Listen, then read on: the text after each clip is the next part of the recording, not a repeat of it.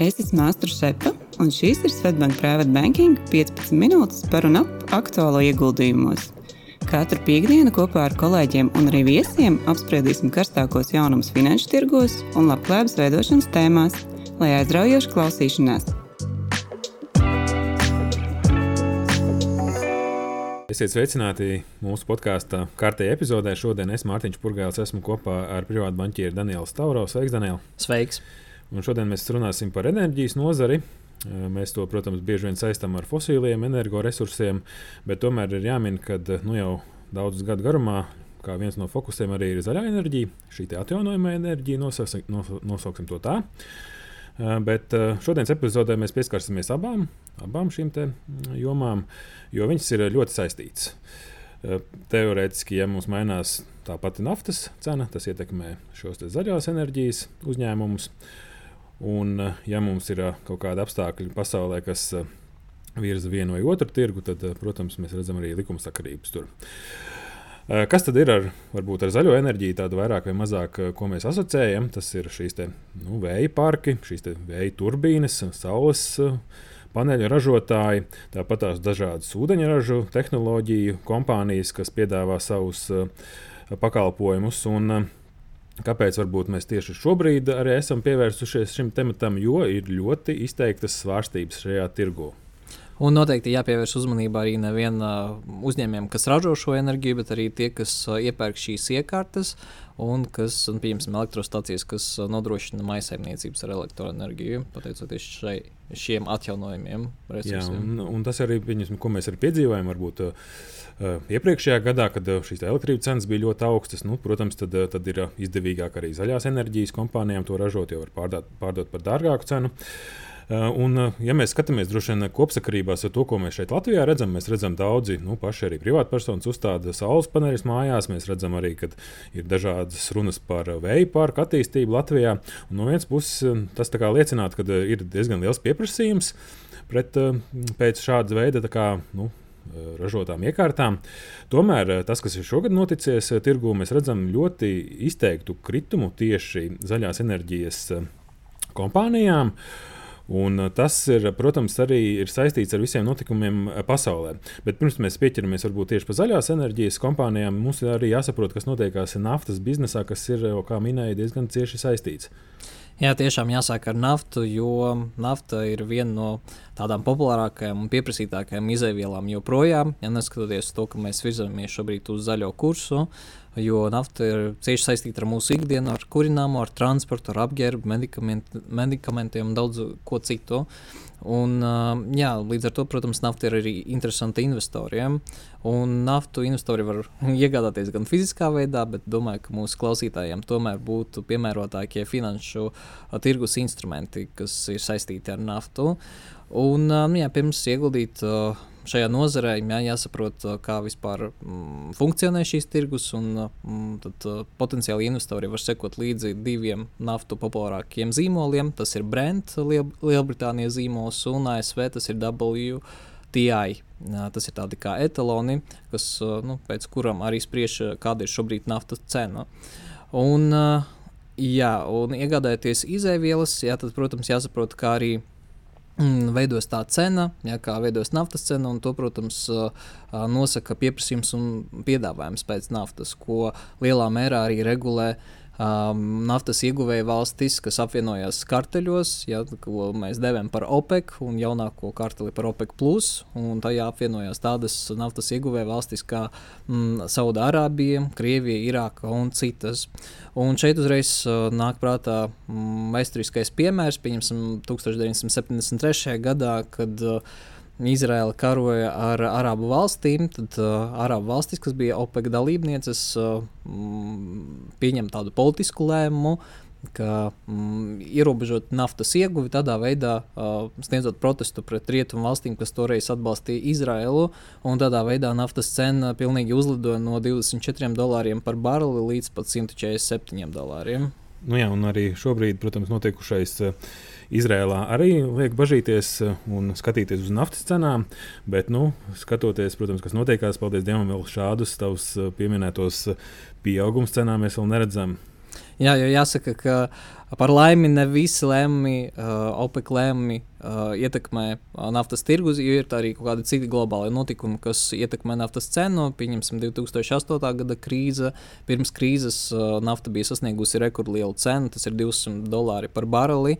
Un, savukārt, jā, iesakoties krīzē, uzreiz pieprasījums kritās, un, kas arī atspoguļojas cenā. Tāpat bija arī ar Covid, jā, jo lielākie naftas importētāji tā ir Ķīna, ASV un, protams, kad bija lockdown, jā, visas ražošanas šajās valstīs apstājās un sekojuši arī nafta cena uzreiz krītās. Un, jā, ja mēs runājam par to veidu, kā ieguldīties šajā nozarē, ja, tad tas parasti investori izvēlas naftas uzņēmuma akcijas, un populārākie ir uzņēmumi ASV. Tie varētu būt ExxonMobil un Chevron, kuriem šogad nav veicies labi, ir negatīva performance kopš gada sākuma. Savukārt Liel Lielbritānijas uzņēmumiem, tādiem kā British Petroleum vai Shell, tur gan šobrīd uzņēmumiem sūkas labāk.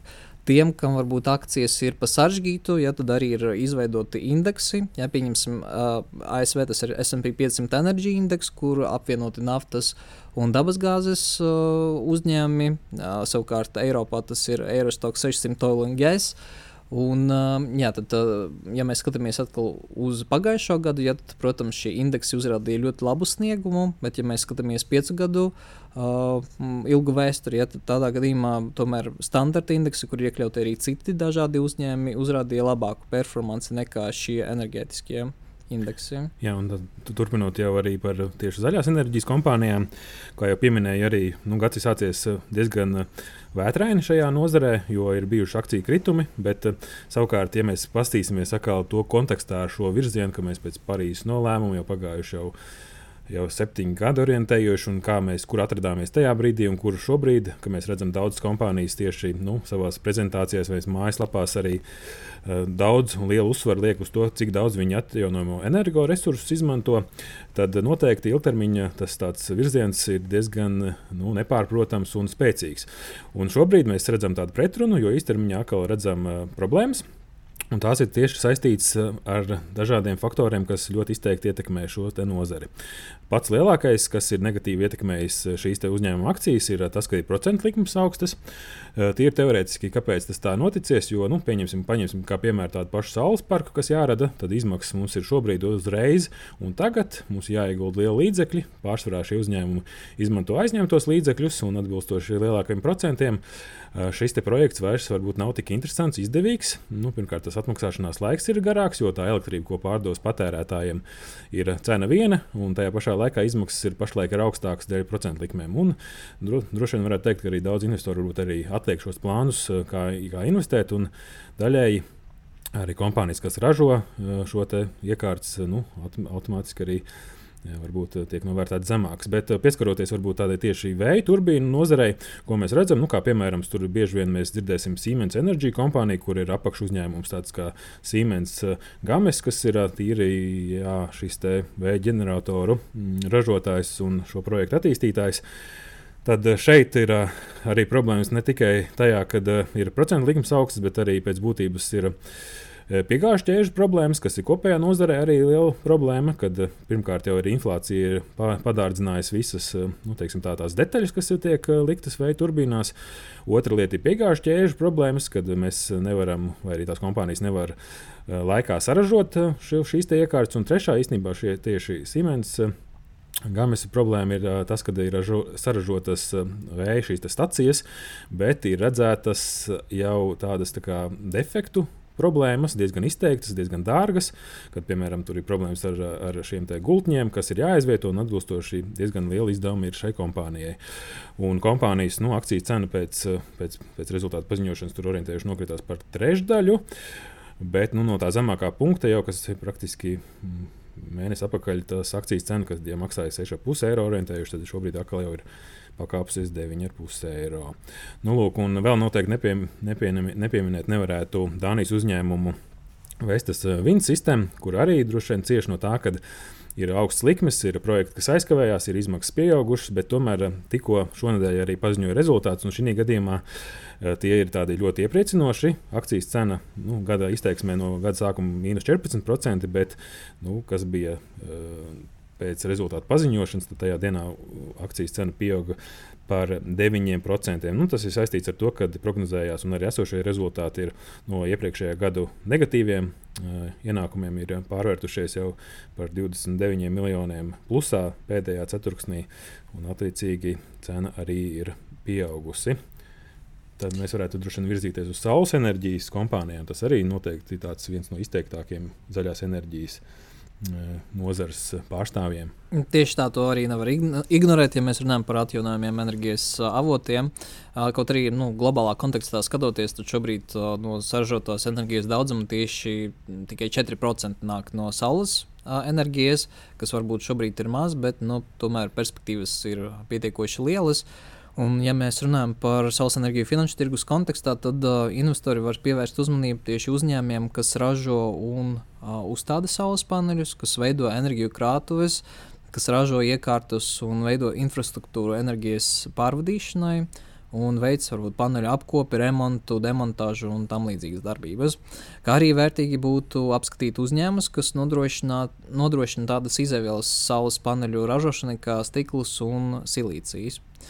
Un, uh, šobrīd nav konkrēta indeksa, kas apvienotu šos uh, saules enerģijas ražojošos uzņēmumus. Uh, un kas parāda, parādītu varbūt kopējo tirgus cenu tendenci, ja, jo šie saules ražo, enerģijas ražošanas uzņēmumi ir iekļauti kopējā indeksā, kur ir pārējie atjaunojamās uh, enerģijas uzņēmumi. Tas ir tas ir... populārākais droši vien šajā nozarē, kas tiek izmantots. Tas bieži vien mēs sastapsimies un redzēsim daudzos eh, gan ziņu virsrakstos, kad šie zaļie uzņēmumi tiek apkopoti šajā clean energy. Ja?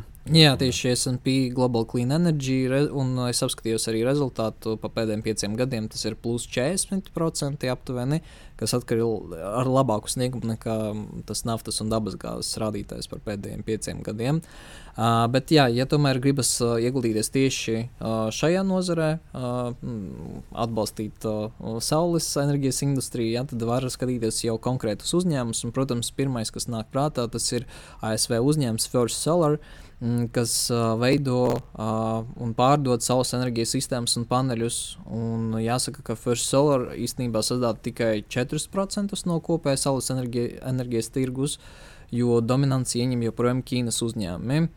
Un tas ir skaidrojams ar to, ka uh, Ķīnā ir vairāk pieejamas izēvielas uh, paneļu ražošanai, un arī līdz ar to tās izmaksas ražošanai ir zemākas. Uh, un, uh, jā, priekš First Seller uh, tāds uzplaukuma laiks bija tieši Covid, jo Covid laikā Ķīna uh, bija visilgākais lockdown pasaulē.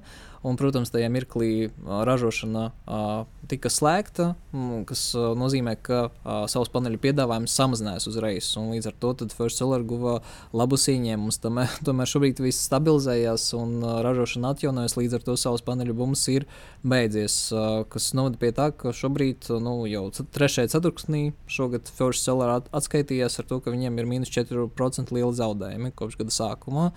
Un, nu, jā, tas tāpēc, ka, nu, kā jau teicu, tas saules paneļu bums jau ir beidzies. Tomēr, jā, ja mēs skatāmies uz akciju cenu un atkal ņemam tos piecus gadus, tad uh, akciju cena First Solar ir pieaugusi par 226%. Un, nu, ja vēl arī runāt par šiem uzņēmumiem, gribētu vēl pieminēt arī tādu lielu spēlētāju kā Enphase, un kas šobrīd arī viens no sliktāk performējušiem, diemžēl, uzņēmējiem iekšā S&P 500 indeksā. Uh, un uh, Enphase, ja tas ir uzņēmums, kas ražo saules paneļu uh, darbībai nepieciešamos mikroinventorus, un, un ieņemumi šogad šim uzņēmumam samazinājās līdz pat 50%, kas varētu biedēt uh, investorus. Bet, nu, droši vien mēs nevaram nepieminēt arī iepriekšējās vēsturiskos rezultātus, kas uh, kas ir atkal bijuši pietiekami labi. Jā, jo, ja mēs uh, skatāmies, protams, uz šo gadu, jā, tad tie ir mīnus 70%, bet, ja mēs skatāmies par pieciem gadiem, jā, tad tas tiešām ir rekordlabs cipars. Tie ir 1283% liels pieaugums. Nu jā, tas droši vien tas būtiskākais skatīties garā termiņā šādu veidu uzņēmumus. Un arī skatīties, tā, ka tās problēmas, kas ir, tās, protams, ir daļa īstermiņa, daļa varbūt garāka termiņa, bet vienmēr ir tā kopbilde jāsliek vienā, vienā lielā tādā bildē. Tas, ko noteikti vēl ir arī viens nozars pārstāvis, ir ūdeņraža nozare. Šeit varbūt ilgi nepieturēsimies, bet tā nozare pēc būtības ir tāda pagaidām vēl attīstības fāzē. Tā ir ļoti dārga. Teorētiski, jo lielā, vairāk mums maksās elektrība, jo varbūt lielāka interesētība būs investoriem šeit ieinvestēt un attīstīt to, bet pašlaik tas ir varbūt biežāk dzirdētais uzņēmums, kas ir plug power šajā nozarē pārstāvēts, kas gan pārstāv un ražo zaļo ūdeņradi, gan tā uzglabāšanu, pārvadāšanu. Un tālāk jau elektrības radīšanā, izmantojot šos ūdeņraža šūnus, kā teikt, elementus. Uh, Eh, arī gads ir, protams, līdzīga nozarei ir mīnus 51% eh, eh, no 21. gada no augstākā punkta, gan arī bija iespējīgāks kritums, nu, kad maksāja 63 ASV dolārus akciju, un tagad maksā 6. Tas, protams, viss ir saistīts ar to, ka kad eh, tas viss ir eh, kopumā, šī sistēma ir ļoti dārga, bet ar savām priekšrocībām ilgā termiņā. Jo, ja mēs salīdzinām, kas ir galvenais konkurents šīs litēja baterijas, tad eh, baterijām tomēr kaut kāda veida energo zudumi ir, bet ūdeņradi mēs varam uzglabāt bez zudumiem, ja mēs to, kā teikt, vai kompānijas to dara pareizā veidā. Un tā ir tā varbūt viena no priekšrocībām. Nākotnē, ja izmaksas samazināsies, tad šai te tehnoloģijai būs diezgan liels priekšrocības. Ūdeņraža tehnoloģijām gan ir savi ETF, eh, kas ir pieņemsim, kaut vai pieminētais Global X Hydrogen ETFs, no gada sākuma mīnus 44%, tendence līdzīga kā nozarē. Nu, lūk, un, un tas, kas eh, ir mums jāpiemina varbūt arī par vietējo tirgu, ja mēs uh, skatāmies kā investori, tad viens, protams, ir uh, šie visi ETF ieguldījumi, ko mēs pieminējām. Skatoties internetbankā, vēl noteikti mēs varam pieminēt gan arī Roburu Global Impact fondu, kas arī ir virzīts uz, uz, uz, šādu veidu zaļās enerģijas, varbūt vairāk uzņēmumiem, kas tur ir iekļauti. Un uh, Baltijā mums ir arī akcijas. Jā, var skatīties, pieņemsim, Igaunijas uzņēmumu, kas uh, pāris gadus atpakaļ ar IPO nāca Baltijas tirgū. Uh, un, jā, tas ir Enefit Green, kas ražo visus, visu veidu atjaunojamo e, enerģijas avotu, enerģiju. Nu, tie paši vēja ģeneratori, saules parki. Uh, Un arī Ignitis noteikti jāpiemina, ka nu, varbūt tas nav tīrs en zaļās enerģijas uzņēmums, tas ir arī pārvadītājs, gāzes pārvadītājs un tā tālāk. Bet elektrības Tas ir tas, ko mēs varam skatīties Baltijas tirgu. Bet kur ir šodienas uzsvars tas, ka īstenībā mēs redzam jā, kritumu, bet tajā pašā laikā tas virziens, kas ir ilgtermiņā, tas ir tāds spēcīgs signāls. Mums ir net zero mērķi, mums ir daudz kas virzīts, arī valsts atbalsts šādai veidai enerģijai. Pretstatā mēs redzam šobrīd varbūt arī problēmas. Un, Daudzi, kas varbūt iedziļināsies, arī saskatīs iespēju šādu veidu ieguldījumam garā termiņā. Protams, pašlaik ir svārstīgi notikumi, bet eh, es teiktu, liekot kopā ar to, kur mēs virzamies, eh, labas izredzes ļoti, kā teikt, perspektīvā nākotnē redzēt arī attiecīgi atgūšanos.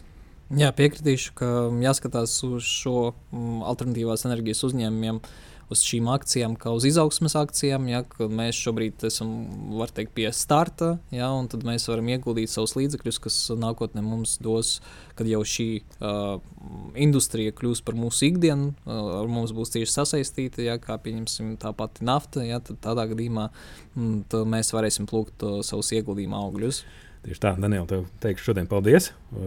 Kā teikt, izmantojam zaļos enerģijas, dažādu veidu mūsu iespējas un tiekamies nākamās reizes. Atā. Audio saturā dzirdētā informācija nav uzskatāms par ieguldījumu konsultāciju vai ieteikumu slēgt finanšu tirgus darījumus vai ieguldīt finanšu instrumentos. Paldies, ka klausījāties!